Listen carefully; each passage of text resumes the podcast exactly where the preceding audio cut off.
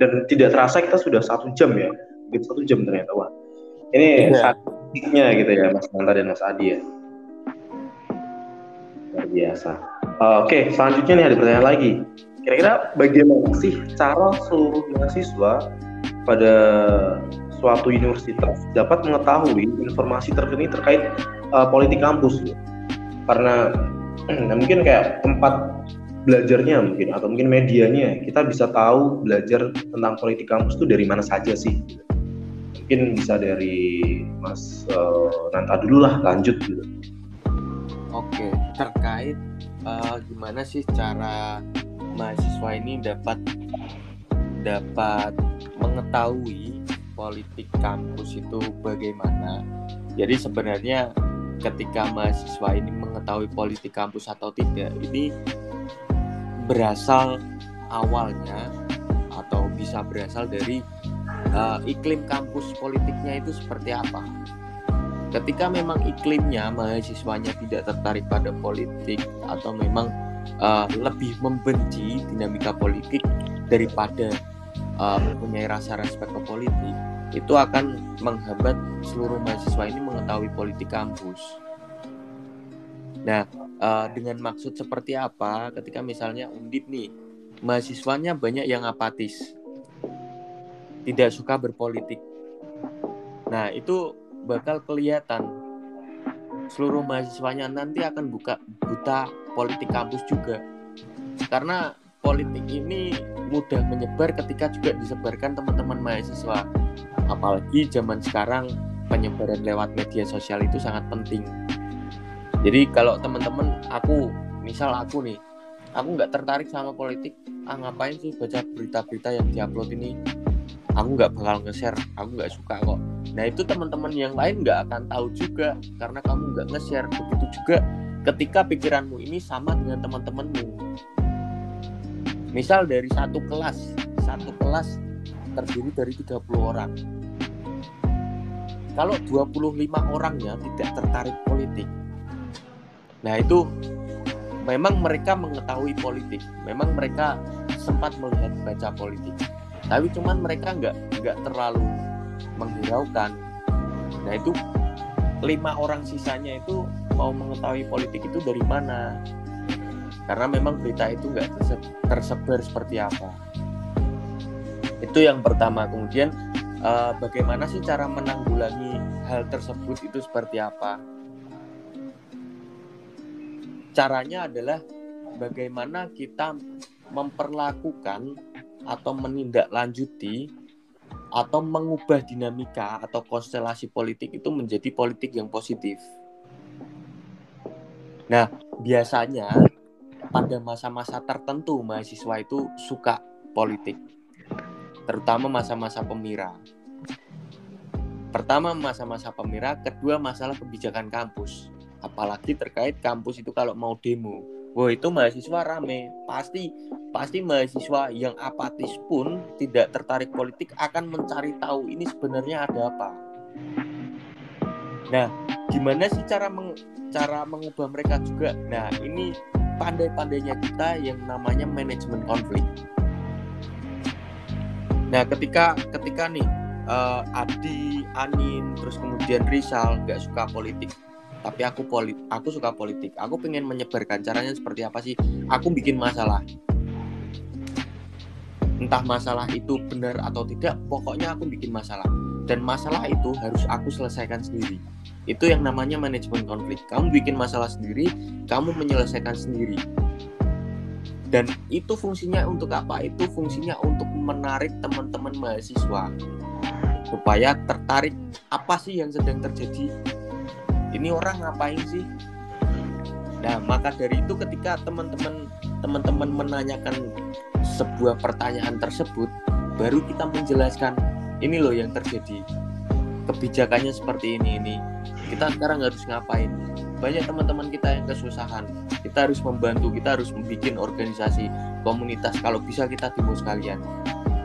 Nah itu salah satu cara untuk mengetahui seluruh mahasiswa itu dapat mengetahui informasi terkini terkait politik kampus yang kedua caranya adalah mengenai agitasi dan propaganda.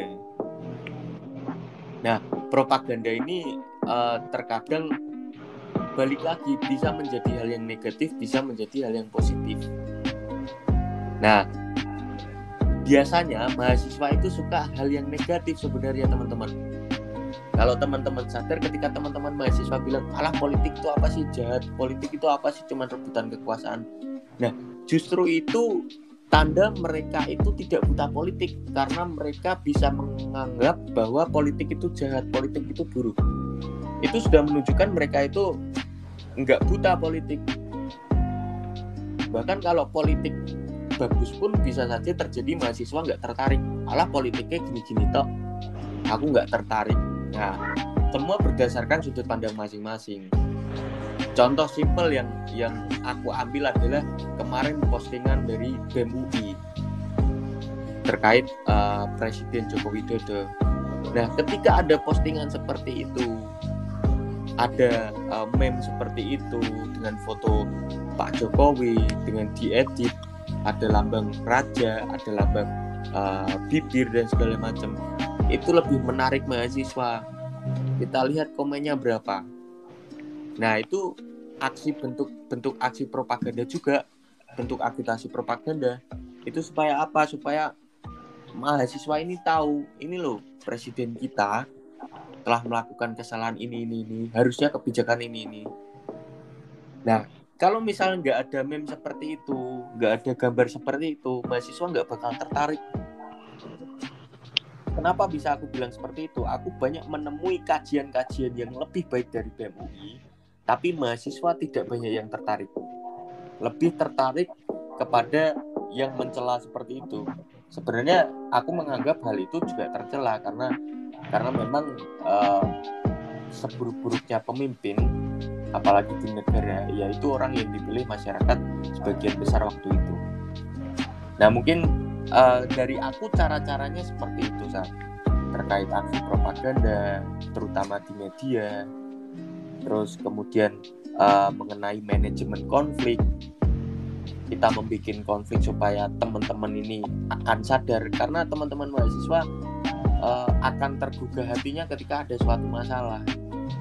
Ketika tidak ada suatu masalah mereka pasti nggak akan tersadarkan sama sekali. Ayem-ayem aja itu sal kalau dari aku sederhananya seperti itu. Oke. Terima kasih banyak Mas Nanta jadi tadi kembali ke poin yang sebelumnya. Dia harus ada keinginan dan niat dari mahasiswanya itu sendiri untuk mengetahui gitu kira-kira informasi terkini apa yang ada di kampus tentang berkaitan dengan politik di kampus. Selain itu juga pentingnya ada istilahnya seperti media atau uh, kelompok lah yang membuat sesuatu yang menarik lah.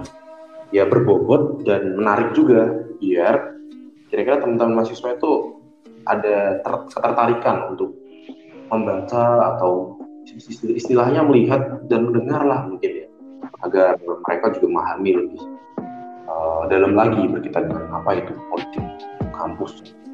Itu ya mas ya? Iya betul Sam.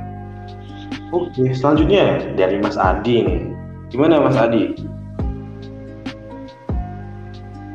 Iya, nah tadi uh, banyak banget tuh insight yang dibagiin sama Mas Nanta. Nah, tadi yang aku notice ini uh, sebenarnya mungkin udah masuk ke dalam mata kuliah ya seputar manajemen konflik dalam suatu perpolitikan kampus. Nah, uh, mungkin yang mau aku kritisi nih tadi dari Mas Nanta, tentu kalau kita mau menciptakan suatu kondisi untuk mengukur ya untuk kita melihat seberapa aware sih teman-teman kita mahasiswa akan suatu isu yang muncul entah itu dari kebijakan kampus atau kebijakan sosial kemasyarakatan.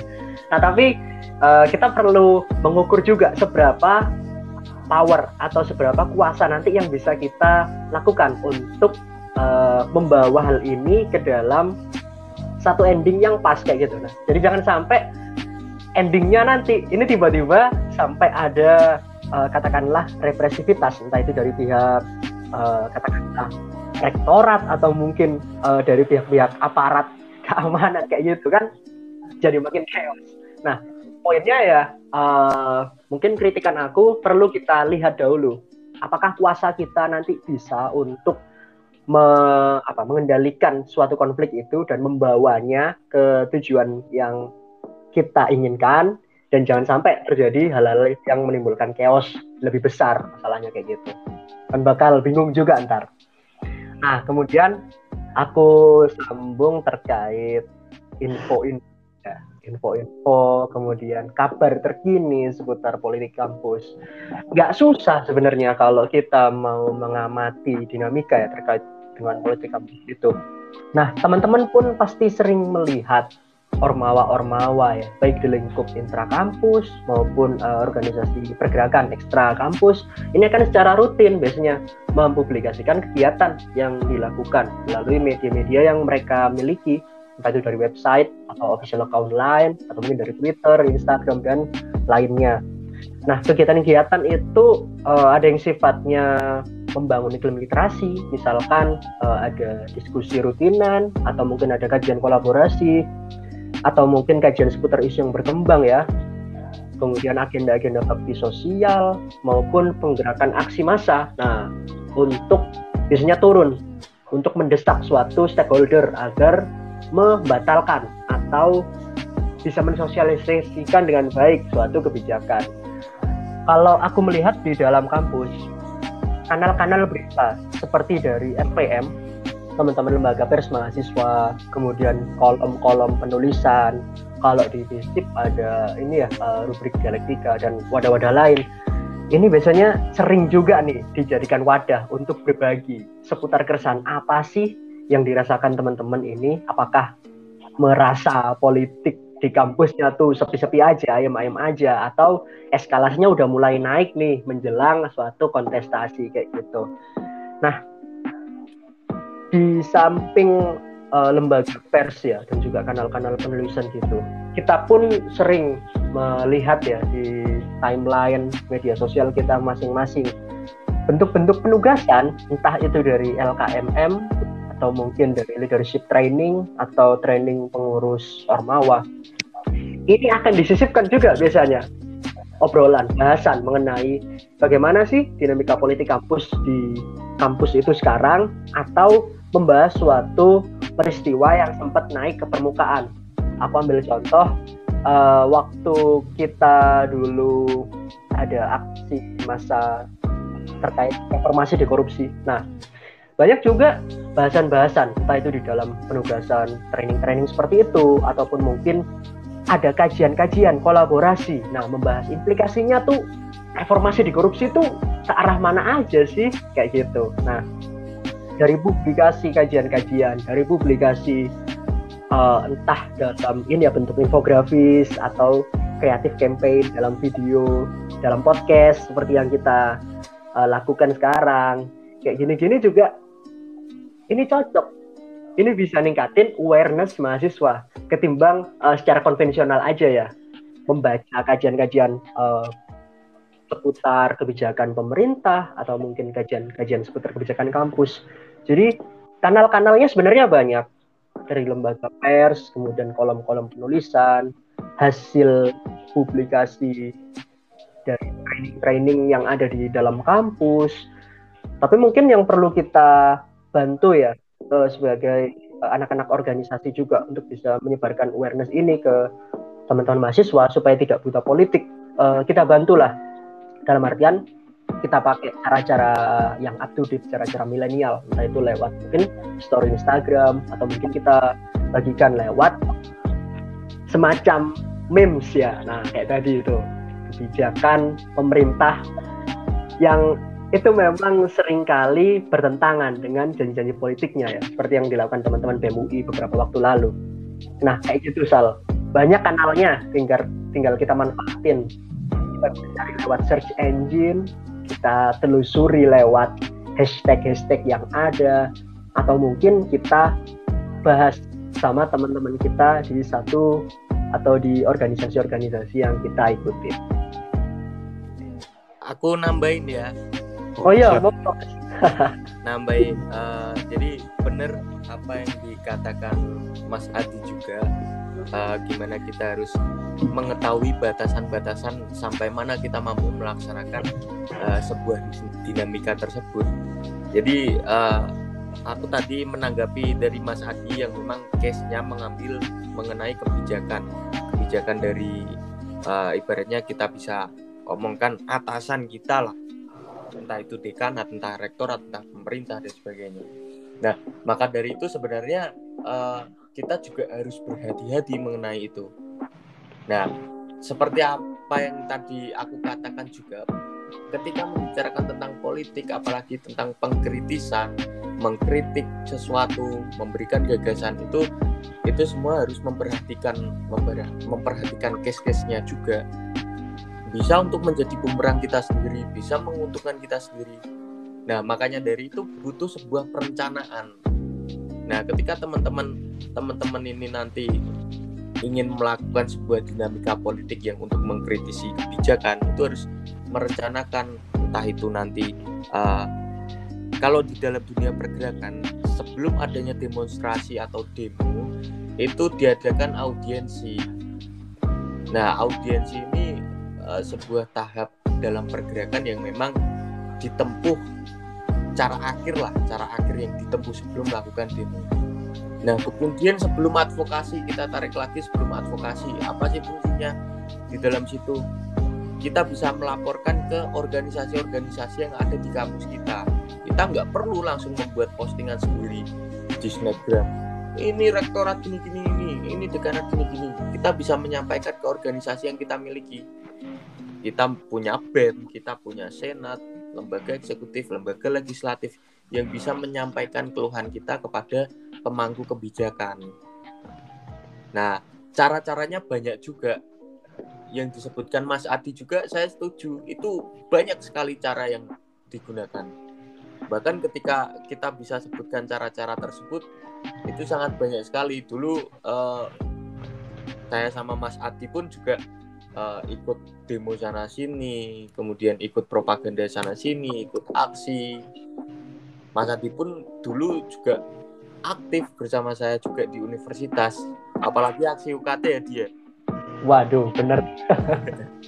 Nah itu aksi UKT itu bahkan sampai uh, uh, nama namaku nama teman-teman yang lain itu tercantum dalam nama yang dicari oleh rektorat dibicarakan oleh dosen-dosen fakultas dekan-dekan fakultas. Bahkan ada yang masuk ke ranah uh, Polda Jateng juga untuk dicari. Nah, itu bagaimana uh, kita bisa menciptakan batas-batas dalam diri kita sendiri. Kembali lagi kita harus memahami mengenai politik, kita harus memahami mengenai mekanisme-mekanisme pergerakan. Itu sangat panjang sekali, makanya teman-teman kalau ingin mengetahui mekanisme pergerakan, itu ikutilah kaderisasi yang dilaksanakan oleh organisasi-organisasi yang kita miliki itu pasti ada pelajarannya teman-teman bakal tahu ketika nanti demo itu nanti uh, lewat jalur evakuasinya di mana apa yang harus kita orasikan apa tujuan kita apa taktisnya itu semua ada begitu Mas Rizal tambahan dari aku oke mantap terima kasih mungkin ada tambahan lagi dari Mas Adi atau cukup berkaitan uh, lanjut deh topik yang lain kayaknya masih banyak nih siap, siap. Oke. Okay. Nah, berkaitan dengan tadi menyinggung UI ya sebenarnya itu menarik juga memangnya. Nah, setelah kita kaitkan dengan uh, pemanggilan, pemanggilan dari ketua BEM UI dan jajarannya yang sampai bawah.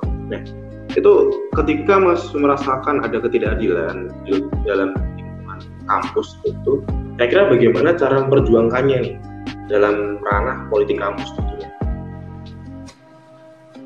mungkin dari gantian nih sekarang mungkin mas uh, Adi dulu kali ya. Oke nah terkait dengan ketidakadilan di lingkungan kampus. Nah kita biasanya melihat ya teman-teman uh, untuk kebijakan diimplementasikan. Entah itu kebijakan yang uh, bersifat langsung dari pihak rektorat atau dekanat atau mungkin uh, perma peraturan mahasiswa ya yang biasa dirumuskan oleh teman-teman DPM atau senat mahasiswa.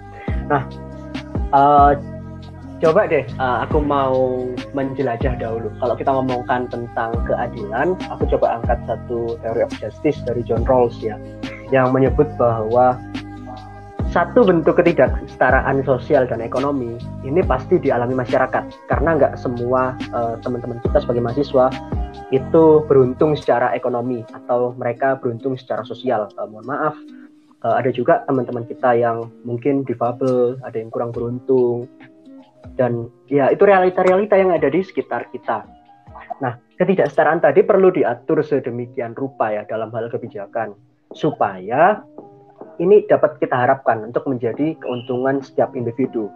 Dalam artian gini deh, uh, kalau aku ambil case hmm, yang dekat dengan kita, misalkan kasus banding UKT. Nah, kalau kita ngomongkan tentang satu konsep keadilan, ini akan lebih adil dengan satu mekanisme-mekanisme yang ini membuka kesempatan. Nggak cuma bagi teman-teman mahasiswa yang katakan mohon maaf middle down ekonomi atau mungkin dengan golongan UKT golongan satu golongan dua seperti itu. Nah tapi juga dengan kondisi pandemi COVID-19 seperti ini kita nggak bakal tahu bagaimana sih teman-teman kita yang orang tuanya berwirausaha dan apakah usaha mereka benar-benar terdampak terdampak secara ekonomi maupun ada gejolak-gejolak sosial ya pasca uh, adanya kebijakan ppkm dan seterusnya itu. Nah perlu sebetulnya dibukakan wadah yang sama entah itu teman-teman yang uh, mohon maaf dari middle down economic seperti itu atau teman-teman yang bisa dikatakan berada namun mengalami satu guncangan ekonomi kayak gitu di situlah konsep keadilan itu bisa hidup dan bisa diterima oleh berbagai pihak.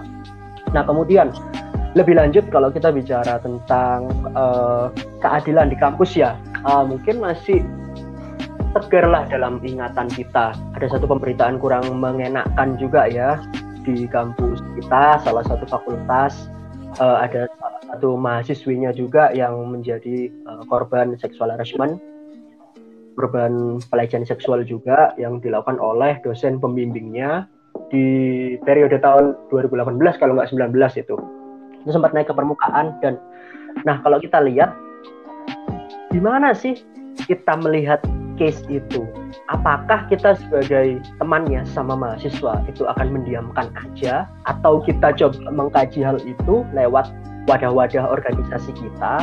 Nah sebenarnya nggak uh, kita nggak terlalu sulit ya buat kita membantu para korban para penyintas itu. Mungkin sesederhana kita pahami dahulu seperti apa sih kronologi peristiwanya suatu ketidakadilan atau katakanlah suatu pelanggaran aturan itu terjadi kita pahami dahulu kita baca seperti apa.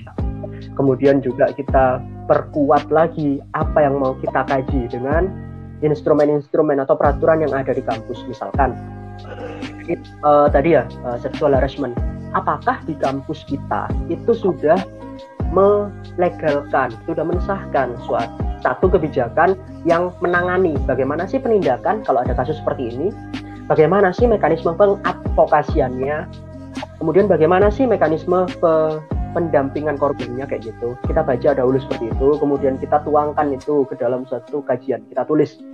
Ya sebagai tanggung jawab kita, peran kita sebagai mahasiswa untuk membawakan halal itu secara akademik juga. Lalu, nah untuk bisa kita meningkatkan awareness sesama mahasiswa dan juga untuk bisa membawakan kasus ini dalam artian kita harus preventif. Apabila nanti uh, mohon maaf ada saudara kita atau mungkin kerabat kita yang jadi korban uh, tindakan yang serupa kita bisa membantunya kayak gitu. Kita bawa ke kanal-kanal diskusi nah di situ kita bisa libatkan bapak ibu dosen, akademisi atau mungkin uh, pegiat di LSM ya, mungkin lembaga bantuan hukum dan sebagainya, supaya makin banyak lagi yang sadar bahwa ada ketidakadilan di situ.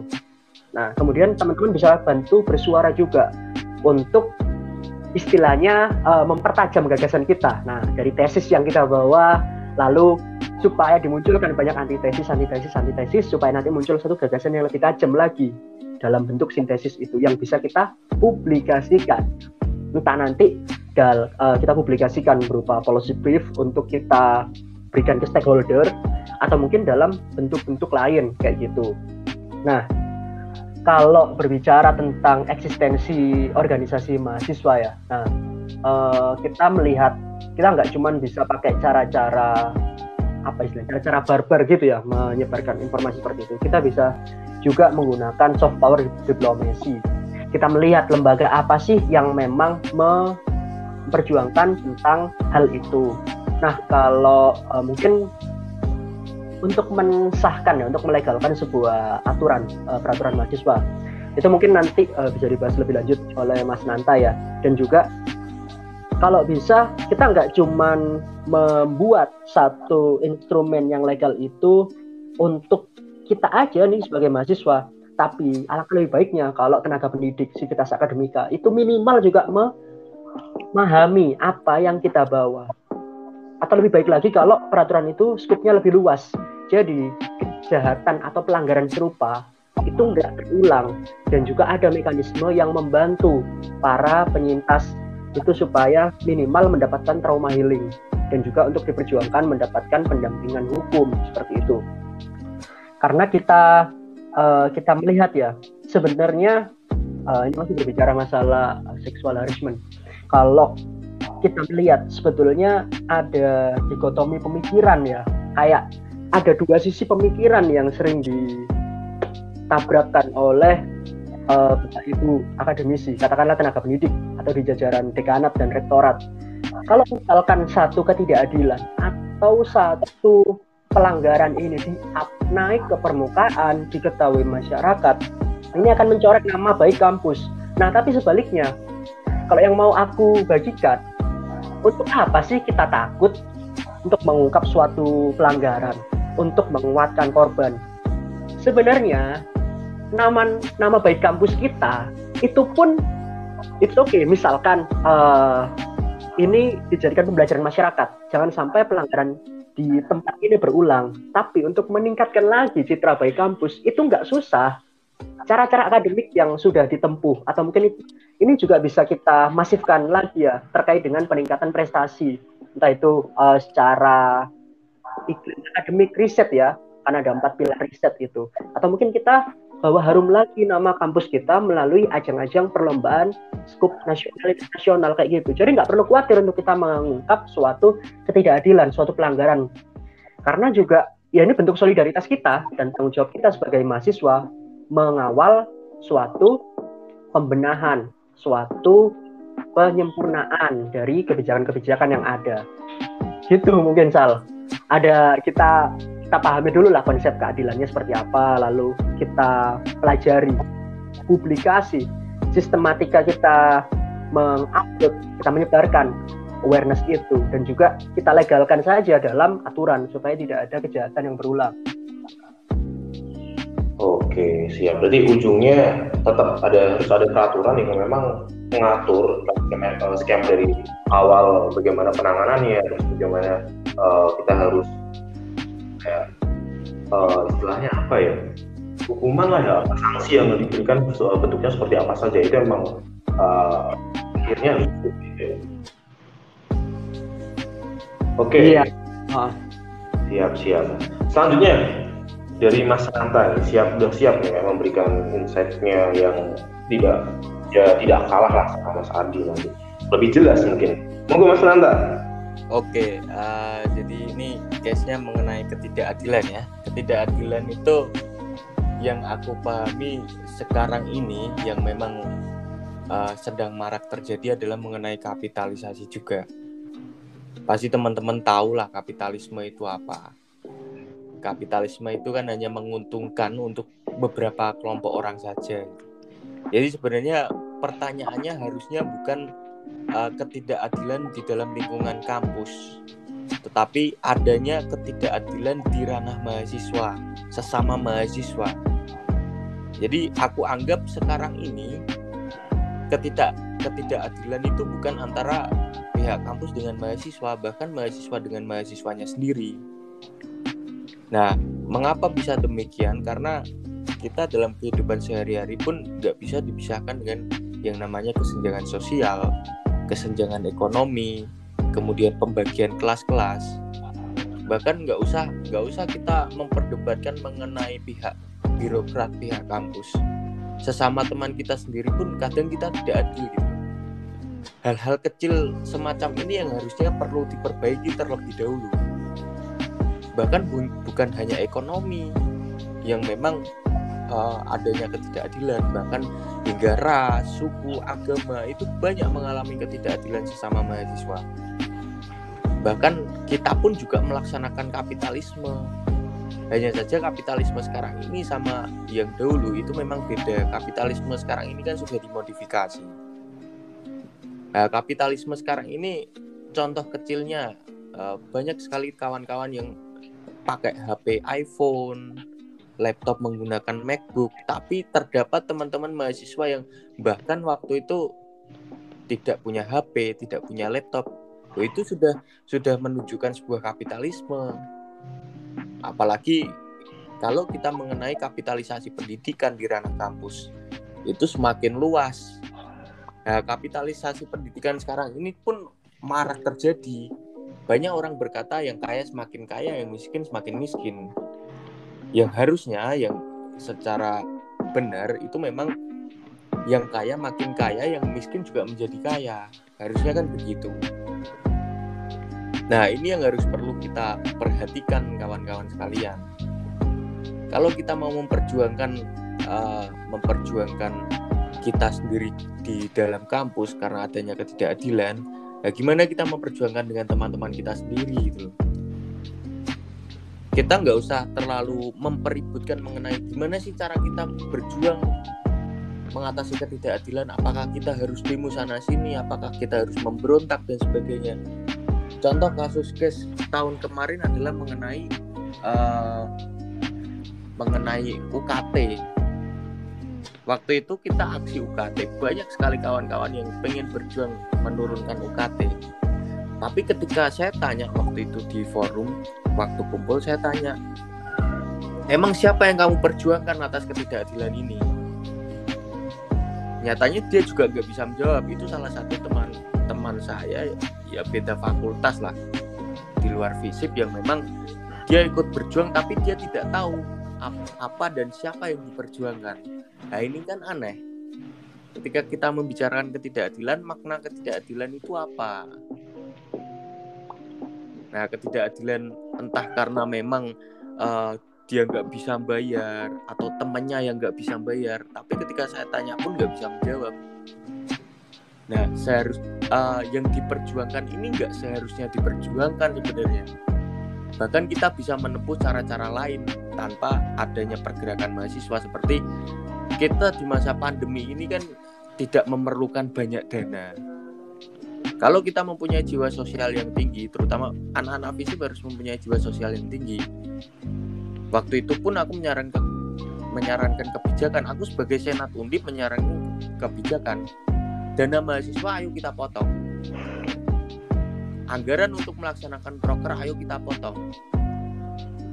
Potongan uang itu digunakan untuk apa? Digunakan untuk membantu kawan-kawan yang kesusahan untuk membayar UKT Nah, bahkan ketika aku di Senat Undip waktu itu aku melihat banyak sekali data yang uh, terkait bidik misi itu salah sasaran.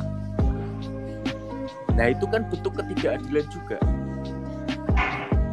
Nah, ketidakadilan itu terjadi karena apa? Karena memang uh, waktu itu tim pansus atau panitia khusus atau yang peninjau untuk bidik misi itu lebih mengutamakan orang-orang yang berada di dekatnya. Eh, itu sangat wajar sekali ya dalam hal politik, kawan-kawan. Nah, kita nggak usah berbicara jauh-jauh ke birokrat kampus mengenai bidik misi. Kita berbicara di penerimaan atau anggota dari organisasi mahasiswa sendiri. BEM FISIP, Senat FISIP, UPK yang ada di FISIP. Loh itu saya sering mengalami kejadian bahwasanya uh, banyak teman-teman saya yang berkualitas itu tidak diterima. Saya meyakini kualitas teman saya memang jauh berada di atas orang-orang lain, tapi dia nggak bisa diterima karena memang latar belakangnya yang berbeda gitu. Karena mereka memilih orang-orang yang lebih dekat dengan mereka. Lo itu mahasiswa juga melakukan ketidakadilan terhadap sesama. Itu yang harus diperhatikan. Nah, mengenai oligarki, kemudian mengenai kerjasama, ya memang diwajarkan ketika kita memilih dengan siapa kita mau bekerja. Pasti kita memilih orang yang sudah kita kenal. tapi apakah kita nggak memberikan kesempatan bagi orang-orang yang memang memiliki kualitas yang lebih tinggi nah itu salah satu contoh kecil ketidakadilan juga nah kemudian uh, untuk mengarah ke universitas itu bagaimana sih kalau ketidakadilan itu terjadi. Nah itu teman-teman yang tadi sudah uh, sudah saya sampaikan juga mengenai proses mekanisme penyampaian. Bahkan dulu banyak yang nggak memahami tentang proses mekanisme penyampaian pendapat. Ke pihak rektorat.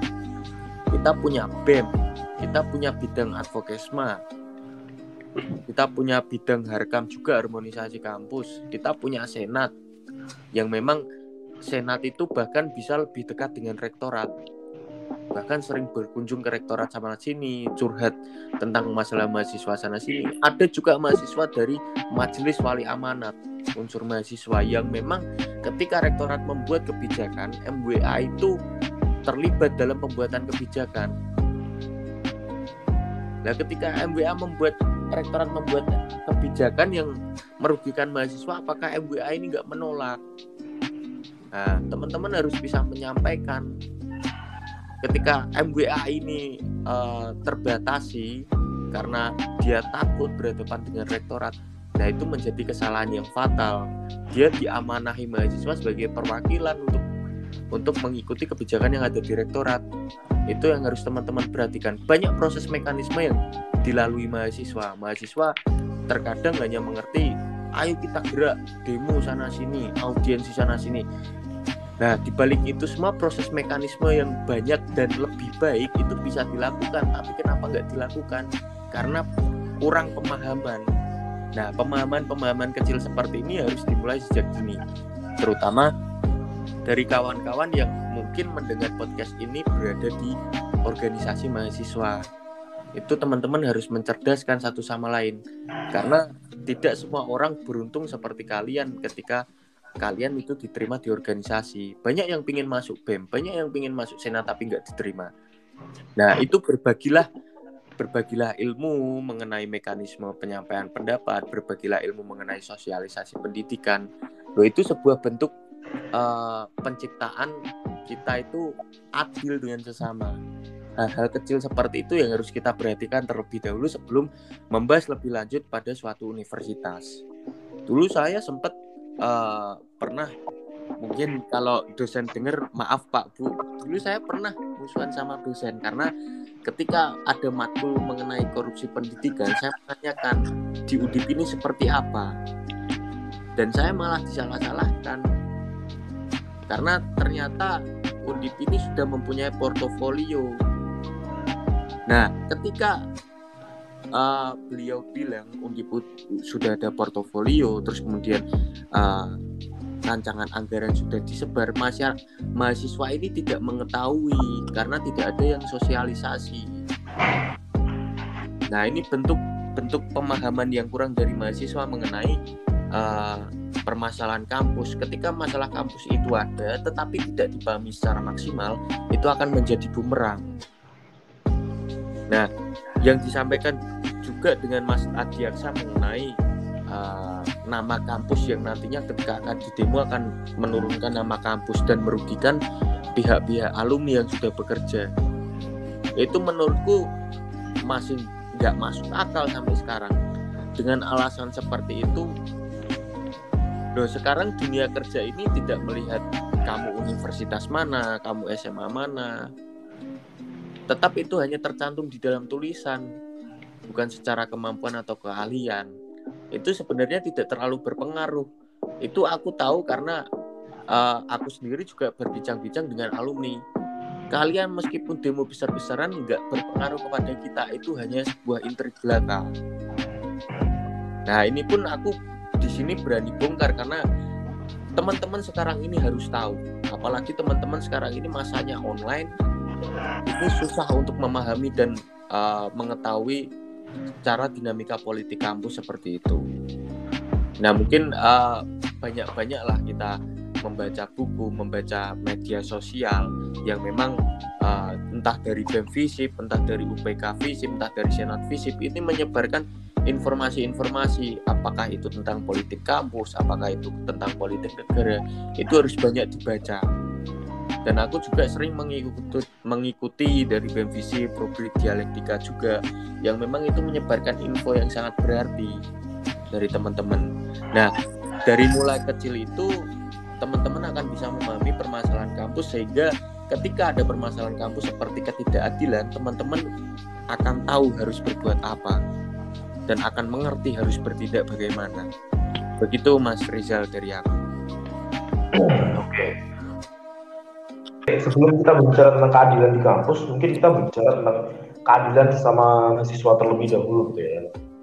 Istilahnya sederhana, dasar, namun sering kali terlupakan gitu ya Mas. Iya. Yeah.